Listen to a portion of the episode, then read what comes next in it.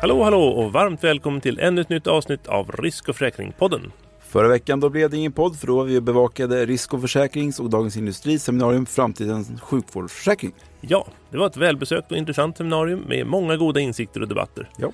På seminariet berättar bland annat Skatteverkets skatteexpert Pia Blank Törnros om hur Skatteverket brottas med att dra gränserna för vad som ska förmånsbeskattas och inte. Här är det två lagregler som kolliderar, berättade Pia. All sjukvård är skattepliktig för den som är anställd, men rehabilitering och förebyggande åtgärder är däremot skattefria.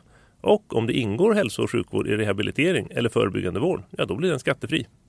Här blir det också en het debatt om privata cancerförsäkringar ska få existera och hur det konkurrerar med den offentliga sjukvården. Och det var även flera intressanta case under seminariet där olika företag presenterade hur de ska hålla sina anställda friska för att de ska orka med det långa arbetsliv vi ska traggla oss igenom. Vi kan väl börja med att traggla oss igenom nyhetsveckan som var en eh, rapportvecka, eller hur Jonas? Ja, det riktigt brann i tangentbordet när vi skulle hinna med att rapportera om alla delårsrapporter denna vecka. Ibland önskar man som försäkringsredaktör faktiskt att bolagen i branschen skulle kunna synka sina rapportdatum lite bättre så att de inte rapporterar sina delår exakt samma datum. Ja, den här veckan så har Alecta, AMF, SPP Storbrand, ICA Försäkring, Länsförsäkringar Liv, Gjensidige och Top Danmark rapporterat. Förutom dem så har förstås storbankernas livbolag Handelsbanken Liv, SEB Pension och Försäkring, Swedbank Försäkring och Nordea Liv och Pension också kommit med sina rapporter. Och idag, fredag, rapporterar Folksamgruppen och Skandia. Eftersom det har en tendens att låta som sjörapporten i P1, om vi här i podden läser upp alla nyckeltal från rapporterna så skippar vi det. Det har ni såklart läst om redan i nyhetsbrevet. Ja, men vi kan ju säga någonting kort om utvecklingen under tredje kvartalet i alla fall. Ja, då får jag säga goda avkastningar, ökat förvaltat kapital till följd av börsutvecklingen och rätt positiva tongångar från livbolagen generellt under Q3. Och även rätt positiva tongångar om skaderesultat och premieintäkter från de skadebolag som har rapporterat innan vi spelar in denna podd. Ja, det kan man kalla kort rapportering. Men förhandlingen om taxonomin för hållbara investeringar, den verkar inte bli kort alls. Nej, men i onsdags satt i alla fall förhandlingarna om EUs nya regelverk för hållbara investeringar, den så kallade taxonomin igång. Parterna står långt ifrån varandra och mycket tyder på att förhandlingarna kommer att bli både tuffa och tidskrävande. Och vad är det som gör att det blir så tidskrävande kan man undra? Jo, vår EU-reporter Erik Birksten rapporterar bland annat att en stötesten i förhandlingarna är huruvida investeringar i gas, olja och kol ska kunna räknas som hållbara. En annan viktig fråga är också hur det går att motverka så kallad grönmålning i finansbranschen. Det vill säga att vissa investeringar framställs som hållbara utan att egentligen vara det. Och sammanfattningsvis vill EU-parlamentarikerna gå längre genom att ta fram klara distinktioner om vad som ska räknas som hållbart och inte. Och medlemsländerna och EU-kommissionen vill däremot ha mer flexibel lagstiftning utan en specifik lista för gröna investeringar. Något som exempelvis skulle göra att kärnkraft och gas skulle kunna räknas som hållbara. Flera miljöorganisationer är också kritiska och menar att taxonomin är full av kryphål och därför inte kommer att få den avsedda effekten. Taxonomi var god dröj kanske? Kan nog bli så ja. En annan grej som hände under veckan är att europeiska ERV och Söderberg Partners lanserade en tjänstereseförsäkring tillsammans. Ja, europeiska ERV och Söderberg Partners utökar sitt samarbete och lanserar nu en ny tjänstereseförsäkring för nordiska bolag. Försäkringen innehåller ett förstärkt trygghetspaket och flexibla egendomsbelopp. Vidare får kunder kostnadsfri tillgång till europeiska ERVs resesäkerhetsapp ERV Travel and Care.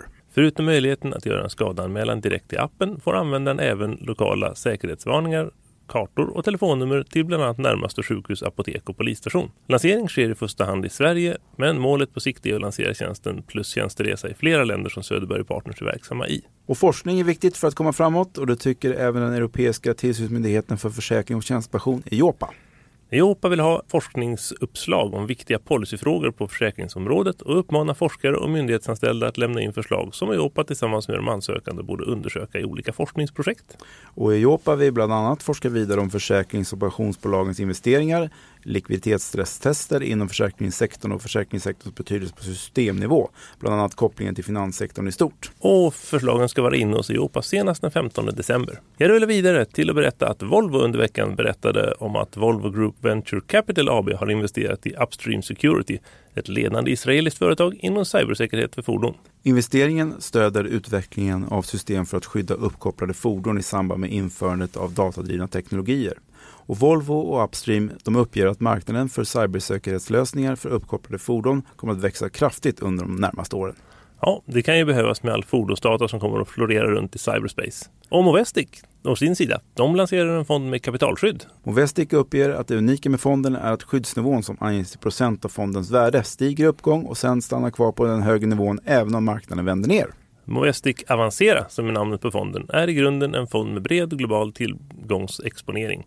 Och fonden är paketerad med en säljoption som löpande säkrar den värdetillväxt som fonden har. Fonden är framtagen tillsammans med Morgan Stanley som också är motpart i optionen. Och fonden finns tillgänglig för sparare som har valt Movestic som tjänstepensionsleverantör eller har en kapitalförsäkring hos Movestic. Så är det. Och i tisdags meddelade Jan Ahlström, VD för försäkringsbolaget PRI Pensionsgaranti, att han beslutat sig för att gå i pension och därmed lämna bolaget. Men det gör han först när en efterträdare är på plats någon gång under 2020.